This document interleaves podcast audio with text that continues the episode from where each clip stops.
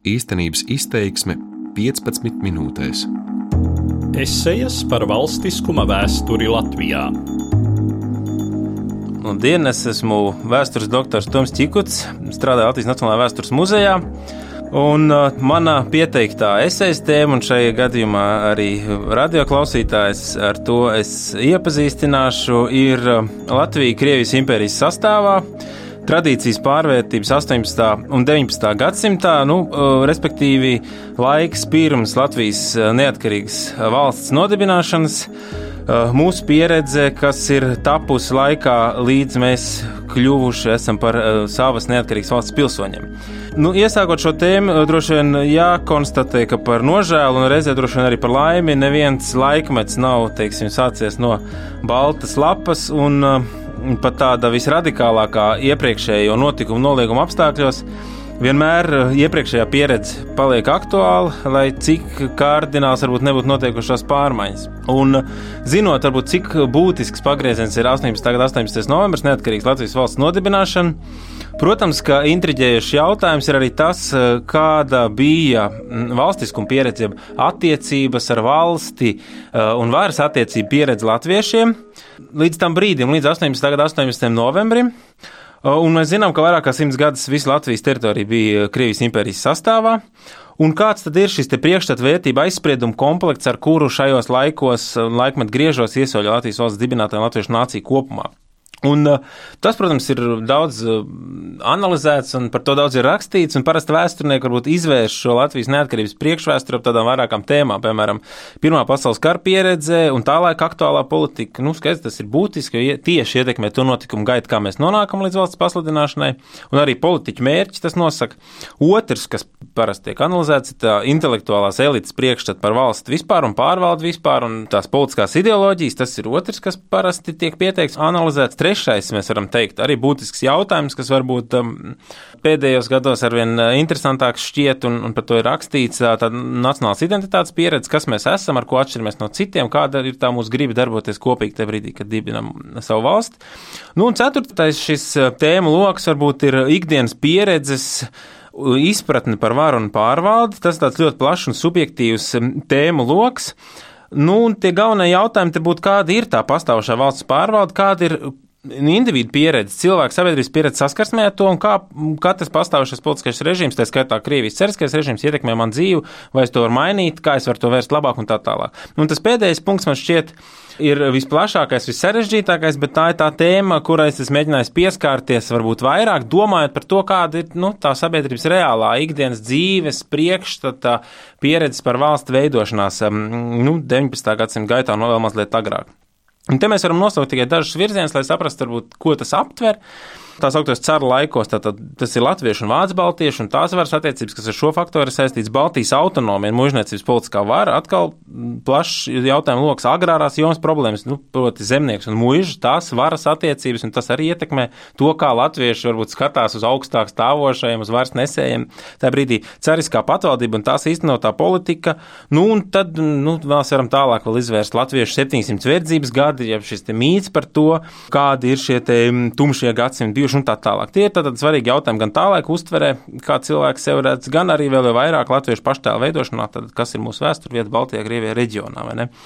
Un te mēs varam teikt, ka Latvijas valsts dibinātājiem ir aktuāli gan pavisam konkrēta, nu, bieži vien pašu pieredzēta 19. un 20. gadsimta mīs Krievijas cariskās patvaldības pārvaldes sistēmas pieredze. Daudz no viņiem bija 5. gada revolūcijas dalībnieki un cietuši pēc revolūcijas, un vienlaikus viņiem bija arī noteikts priekšstats par to, kas latvieši bija iepriekš 18. gadsimtā, 19. gadsimtā. Tāds vēsturisks priekšstats, šī vēstures mīte līmenī priekšstats par to, kādi ir bijuši iepriekšējie laiki.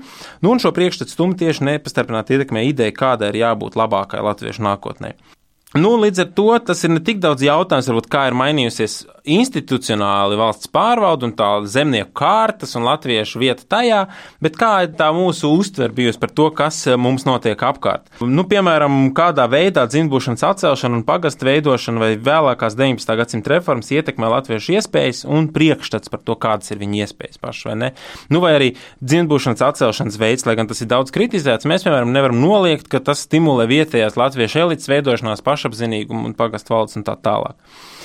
Ja mēs mēģinām vispārināt par to, kas notiek ar latviešiem kādu gadsimtu vai pusotru pirms savas valsts dibināšanas, tad, um, nu, manuprāt, Krievijas impērijas varas laika 18. un 19. gadsimtā mēs varam uzlūkot kā tādu tradīcijas un pārmaiņu miedarbības laiku. No vienas puses, ievērojami paplašinās, mainās latviešu sabiedrības, vai precīzāk varētu teikt, zemnieku kārtas to brīdi, iespēja iesaistīties kopējos kolektīvos procesos, gan pagastos, gan pilsētās, gan sabiedriskās organizācijās, gan pašvaldībās. Un kopsolī ar to modernizācijas procesu visa sabiedrība, arī Baltijā, arī latviešu sabiedrība fundamentāli mainās. Tātad tas ir tas, kas mainīgais, vai ne šajā laikmetā un šajā laikmetā ainā. Un vienlaikus ļoti spēcīgi gan tajā pastāvošā realitāte 19. gadsimtā, gan arī tais priekšstos par varu ir arī šeit tradīcijas ietekme. Baltijas telpa, kas ir šīs Baltijas provinces, tajā laikā Krievijas impērijā, tās kultūras un politiskie saimnieciskie no, nosacījumi un kā ir iekārtot šī sabiedrība. Nu, mēs varam varbūt atgādināt pirms dažas šīs tradīcijas faktors, kas vēl joprojām ir aktuāli 19. gadsimtā. Tā tad viena, kas ir mantotā šī tradīcija caur gadsimtiem, skaidrs, ka tā šeit Baltijā ir mužniecības eh, spēcīgā politiskā ietekme, ja tā, tā, tā ir tā dominējošā kārta, kurās rokās reāli ir šīs varas eh, svīras.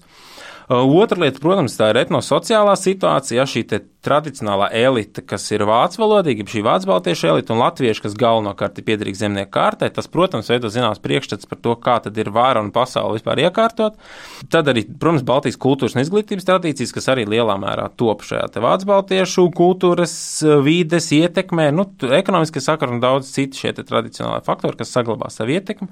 Un šeit svarīgs jēdziens, ko es arī vairākas jau reizes minēju, ir tieši Baltija vai šīs Baltijas Krievijas provinces, kā ilgstoši pastāvējis specifisks reģions Krievijas impērijas sastāvā, kam tātad pieder vidzemes, kurzemes, guberņa, nu, Latgala tas ir mazliet cits gadījums, un ko būtiski ietekmē šī vācu kultūra politika. Un no tieši Baltijas provincēm dzīvojušiem latviešiem, kas dzīvo šajā īpatnējā politiskā un kultūras vidē, top arī faktiski latviešu nācija, mēs varam teikt. Un, ja domājam par šo politisko um, nu, polemiku, kas latviešu topošai nācijai ir svarīga, tad skaidrs, ka ārkārtīgi svarīgs šis tradīcijas pieturas punkts ir Baltijas autonomija un mužniecības kārtas politiskā vara un ietekme. Proti, tātad ar to mēs varam saprast šī Baltijas autonomija un mužniecības ietekme. Tas ir šīs vācu baltiešu mužniecības privilēģijas izlēma daudz jautājumu šeit, Rīgā, Jelgavā, Tallinā, nevis Pēterburgā. Tā ir spēcīga tradīcija, kas 19. gadsimtā nosaka šo varas dalību un arī Baltijas robežas un telpas apziņu. Ja? Tad, tad tas ir kaut kas drusku nošķirts no pārējās Krievijas impērijas. Un tas ietekmē arī vēlāk, nu, teiksim, robežlīnijas, kā mēs, latvieši, redzam šīs te teritorijas robežas, un arī šo te izpratni par to, kas ir Latvijas telpas uh, kontūra, kas ir Latvijas robeža. Tad tas ir tieši saistīts ar šo Baltijas reģionu vēsturisko tradicionālo kas ir arī aktuāls 19. gadsimtā. Skaidrs, ka šī faktiskā Baltijas autonomija palīdz saglabāt reģionu citādību, to, ka tā mūsu Baltijas telpa ir kaut kas atšķirīgs šajā Krievijas impērijas sastāvā. Bet tad, kad jaunatvieši aizsākta 19. gadsimta otrā pusē top latviešu nācijas ideja pret šo tradicionālo Baltijas varas organizācijas principu, jā, ka šeit Baltijas mūžniecība var izlemt ļoti plašu jautājumu loku par šīm te provincēm, pret to ir ļoti kritiska attieksme. Mūžniecība un tās vara drīzāk ir kaut kas slikts, ja šajā te latviešu topošās jaunās inteliģences skatījumā. Nu, tā ir tāda šķietama dabiska latviešu līderu reakcija nacionālā. Nacionālās kustības pirmā un otrā paudze bez šaubām bija šī Baltijas kārtības kritiķi, lai gan praši, protams, bija izauguši šajā Baltijas intelektuālajā tradicionālajā telpā. Nu, to nosaka gan šī jaunatvieša it kā opozicionārā loma, vieta, tas, kā viņi sev redz pret, attiecībā pret pastāvošo kārtību kā tādu, un vācu baltiešu dominēšanu, gan arī tas, Nu, ka kopumā kopš 18. gadsimta otrās puses, um, jo īpaši šī mužniecības absolūti dominējošā loma liek apšaubīt varas taisnību, taisnīgumu. Nu, tad, tad apgaismības ideju ietekmē tas šķiet nepareizi, ka viena kārta var valdīt par pārējām un pieņemt tiksim, visus um, lēmumus. Un skaidrs, ka tā ir tāda kritiska attieksme pret mužniecības varu, un to mēs varam redzēt dažādos vēstures avotos, sākot ar zemnieku lūgumrakstiem, sūdzībām. Jā, tātad mužnieks drīzāk ir tas sliktais uh, tēls, kurš kurš iemieso šo varu, nu, apspiež un tā tālāk. Un tālāk, balstoties uz šo, jau arī top tas latviešu vēstures stāsts un tā paša identifikācija tam, pret ko mums būtu jācīnās, veidojot um, labāku pastāvošo pārvaldes kārtību. Tad, kad kārtu robežas zemnieku, mužnieku, amatnieku, birģeri 19. gadsimta otrās puses modernizācijas procesā kļūst mazāk nozīmīgs un skaidrs, nu, un tad jau tas Baltijas autonomijas, tas autonomijas mužnieku varas mantojums arī jau tiek aprakstīts kā kaut kas anahronisks, sens, novecojis un tā tālāk. Tiek radīts arī šāds tēls, un latvieši zināmā mērā to arī kultivē savos laikrakstos 19. gadsimta pēdējās desmitgadēs.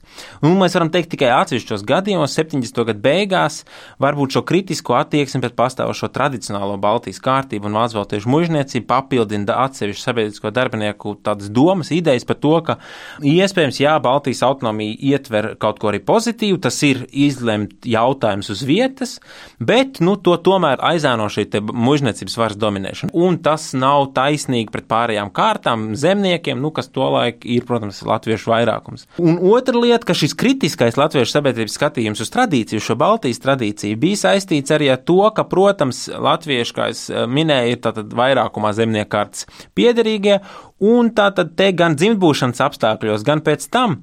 Protams, ka būtiska iezīme ir šī atšķirība no varas kārtu segregācija kā tāda. Tātad vienas kārtas tiesības un otras kārtas tiesības. Gan dzimtošanas apstākļos, gan šī nodalītā, sadalītā tiesību situācija, tiesību partikulārisms, teiksim, sakot šo te jēdzienu, Tas tiek uztverts kā kaut kas ļoti negatīvs, jo zemnieki, protams, pieder tai sabiedrības daļai, kuras um, tiesības piedalīties pārvaldē ir ierobežotas.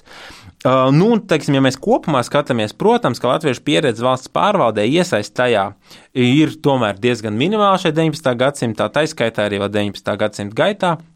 Lai gan, protams, mēs pakāpeniski pašvaldību reformu rezultātā vispirms, teiksim, pagastu valdes, pēc tam arī pilsētu domu vēlēšanas, mēs pakāpeniski uzkrājam varbūt šo pieredzi vietējo pašvaldību līmenī.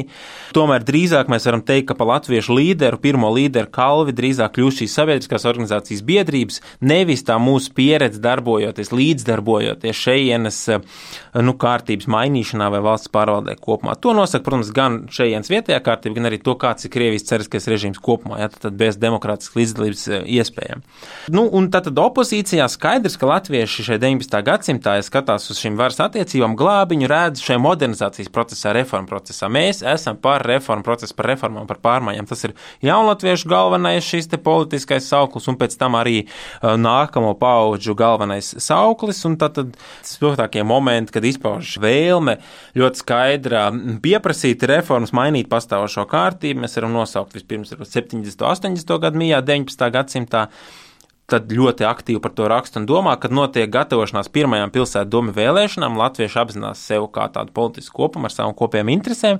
Un otra lieta norisinās Krievijas senatora Manasena revīzija 80. gadu sākumā Baltijā, kad tiek pārbaudīts šejienes varas organizācijas modelis, un latvieši to saskata kā iespēju iesniegt savus sūdzības, eh, eh, lūgumrakstus un tā tālāk par tām prasībām, kas satrauc. Un otrs punkts, protams, daudz radikālāks, tas ir 905. gada revolūcija, kad arī nolikts eh, pastāvošās varas priekšā ļoti garš pieprasīto reformu saraksts faktiski visās jomās. Protams, vienlaiks eh, šī atšķirība no varas varbūt nu, kaut kādā mērā kavē šo vispārīgo ideju veidošanos par to, kas ir mūsu nākotne, un latvieši varbūt gan manasēna revīzijas laikā, gan arī vēlāk tomēr lielā mērā paliek pie šīm konkrētām reformu prasībām konkrētās jomās. Uh, Un tas varbūt mazliet traucē pastīties tālāk uz tādiem jautājumiem, kas tad ir mūsu kopējie mērķi kā sabiedrībai, ja, kur mēs vēlamies virzīties tālāk, kas tad ir mūsu tālākais mērķis, kā mēs vēlamies redzēt šīs latviešu teritorijas. Tie varbūt paliek mazliet novārtā, nu, lielā mērā tāpēc, ka šīs pamatprasības um, nu, ir grūti izpildīt. Un tikai pēc 5. gada revolūcijas mēs varam redzēt, ka tas mudina daudz uh, plašāk un aktīvāk domāt lielākā mērogā par to, kas mēs esam, kāda mūsu nākotne. Nu, tad mēs varam teikt, ka galvenā latviešu sabiedrības prasība ir tiesību paplašināšanas emancipācijas reforma prasība 19. gadsimtā, un kopumā tas, kā latviešu sabiedrība jūtas šajā Krievijas impērijas reformu procesā, mēs varam teikt, ka latviešu sabiedrība nav apmierināta ar šo īstenoto reformu ātrumu. Mēs zinām, ka kopš Pētera I Krievijā nemitīgi notiek katra valdnieka vadībā dažādas reformas, bet tas, kas notiek 19. gadsimta otrajā pusē, lai gan plaši pieteikts, jā, šī reforma kustība tomēr vienmēr netiek Baltijā iztenots līdz galam, lielā mērā arī mūžniecības pretsvara dēļ, un tātad latvieši faktiski ir, mēs varam teikt, vīlušies kaut kādā mērā tajā, kā notiek reformu virzība. Nu, un tā vilšanās šajās īstenotajās reformās un tajā tiek vai netiek īstenot šīs emancipācijas prasības, zināmā mērā veicina arī pastāvošam režīmam opozicionāris vai ne, un tas ļoti spilgti izpaužās, piemēram, 5. gada revolūcijas laikā, ar tādām prasībām gan pret vietējo varu un to, kas notiek šeit, eh, Latvijas laukos, uz lozungiem uzkrāsojot uzrakstus nost baronu teroru, gan arī pret Krievijas impērijas centrālo varu, uz kuru 19. gadsimtā ļoti uh, liels cerības tiek liktas, uzkrāsojot uz tiem pašiem 5. gada revolūcijas lozungiem arī nost patvaldību, tad, tad šo carisko režīmu. Tad, tad pret abiem šiem te varas centriem, gan vietējo Baltijas, gan Krievijas impērijas, nu tā ir uh, lielā mērā nu, tāda vilšanās, mēs varam teikt. Nu, un tāds jau vienas pakļautās neprivileģētās kārtas, zemnieku kārtas situācija un izjūtas noteica uh, lielā mērā to, ka latvieši savos sabiedrības, savos politiskos uzskatos ir kritiski un, un radikāli pat pret pastāvošo sociālo un politisko kārtību. Un, nu, kā es teicu, lielā mērā tādēļ, ka šīs reforma prasības tā arī netiek īstenotas. Un mēs varam teikt, ka zināmā mērā pa latviešu pieredzes faktoru kļūst tāda atrašanās opozīcijā. Ja sevišķi 20. gadsimta sākumā tas parādās, un tas diezgan radikāls opozicionārisms pavada latviešu sabiedrību līdz pat valsts dibināšanai. Un tas tā tad ir mantojums, kas ir krājies sākot ar pirmo reformu gaidām un līdz pat 1905. gada revolūcijai tālāk pavada 17. gadā, kad nu, ir tā vārda brīvības apstākļi, un mēs varam sākt domāt par to, kā konkrēti mainīt, realizēt sevi nu, tādā politiskā dimensijā. Nu, šī kritiskā attieksme, jā, tā bijis būtisks spēks nācijas konsolidācijas ceļā arī kopumā un priekšstatu veidošanā par varu un politiku, sākot no attieksmes pret mužniecības varu un Baltijas autonomiju, un tad arī pret carisko patvaldību. Un tad, tad Latvijas republika un tas tāds ļoti radikāls, demokrātisks pieteikums. Protams, ka tā ir tā arī negatīvās reakcijas ietekme, ja, tad, tas ir nojaukt visu iepriekšējo kārtību, veidot pilnīgi jaunu valsti, pilnīgi jaunu kārtību, absolūti pat radikāli demokrātiski, mēs varētu teikt, ar, ar visu parlamentāro sistēmu un tā tālāk. Un tās, kā tas tiek īstenots, ir tomēr lielā mērā sakņots tajā latviešu sabiedrības priekšstatā par varu, kāds šis netaisnīgais mehānisms ir pastāvējis. Un, un, un tā vēl viena lieta, protams, ar ko ir jārēķinās un kas arī izpaudās gan uh, nu, Pirmā pasaules kara laikā, 17. gadā, un, un pēc tam arī e, skaidrs, ka tā ir arī zināmā mērā radikalitāte līdz ar šo opozicionārismu, kas raksturo latviešu sabiedrību un sevišķi daļu šo te kreiso partiju, un pat arī mērenu nosacīt labējo partiju, Latviešu partiju programmu 17. gadā palasot, mēs redzam, ka tās satur pietiekami radikāls reformu prasības, lai beidzot šajā modernizācijas procesā varētu panākt sen priekšā varbūt esošo rietumu Eiropu, un ja mēs domājam par to, nu, kas tad ir Latvijas valsts dibinātāji, tad mēs varam teikt, ka tur jau viena liela daļa arī šo 30 astoņu cilvēku vidū, kas stāv Nacionālā teātra skatos 18. novembrī, ir 5. gada revolūcijas tiešie dalībnieki, revolucionāri, kuri bijuši emigrācijā, piederējuši pietiekam kreisām, radikālām politiskām organizācijām. Ja? Tātad šie ir cilvēki, kas dibina Latvijas valsti, prasot ļoti būtiski pastāvošās kārtības maiņu. Nu, tātad Kopumā savēlkot 19. gadsimta mantojumu, tajā brīdī, kad top Latvijas valsts, mēs varam teikt, ka šī Baltijas tradīcija, kultūrā, politikā, protams, veicina latviešu nācijas tapšanu, mūsu piederības robežu novilkšanu, arī Latvijas teritorijas robežu novilkšanu zināmā mērā. Um, nu, un tad nākamais solis, šīs reforma prasības opozīcija pastāvošajai kārtībai, ir nākamais šis vilcējs spēks latviešu politikai kopumā. Tam, protams, ir tas pozitīvais rezultāts arī vēlāk, ja sabiedrība novērtē brīvības nozīmi, demokrātismu nozīmi. Vienlaiks, protams, arī tas negatīvais rezultāts, tas, ka pietrūka iespējas varbūt 19. gadsimtā un 20. gadsimta sākumā latviešiem veidot pozitīvo programmu un būt iesaistītiem valsts pārvaldē, krāt šo pārvaldes pieredzi. Tas notika ļoti pēkšņi, faktiski 17. gadā revolūcijas ceļā dota iespēja iesaistīties politiskos procesos un ļoti strauji tiek attīstīta šī partiju sistēma, ļoti strauji tiek attīstīti veidi, kā diskutēt par Latvijas nākotnes jautājumiem, kas pirms tam ir bijis faktiski aizliegts. Ja? Tā, tas ir tas, kas 19. Gadsimtā pastāvošās kārtības dēļ nav bijis iespējams. Domāju, ka, nu, varbūt Arī nesenā pagātnē varbūt ir līdzīgi. Pēc šī padomju okupācijas mantojuma atkal ir bijis jātiek pāri šim priekšstatam par to, ka valsts tas ir kaut kas tāls, atsvešināts un slikts. Tāpat kā tas varbūt bija 1918, 17, 18 gadā, lai atkal atgrieztos pie tās pozitīvās programmas par to, ka valsts veidojamies paši un tā ir jāveido labāk. Ja? Tad, tad tas pozitīvā skatījuma moments attiecībā uz valsts un tās tapšanu, kas bija nepieciešams 18. gadā, es domāju, ka tas uh, ir tajā mūsu pēdējo 30 gadu pārmaiņu posmā arī bijis aktuāls un vēl šodien ir pietiekami nozīmīgs. Pārdomās par uh, latviešu pieredzi, uh, ieejot neatkarīgā Latvijas valsts veidošanas procesā, šodien dalījos es, Toms Čikuts. Esejas par valstiskuma vēsturi radio skan pateicoties Kultūras ministrijai un Latvijas Universitātei. Īstenības izteiksme 15 minūtēs.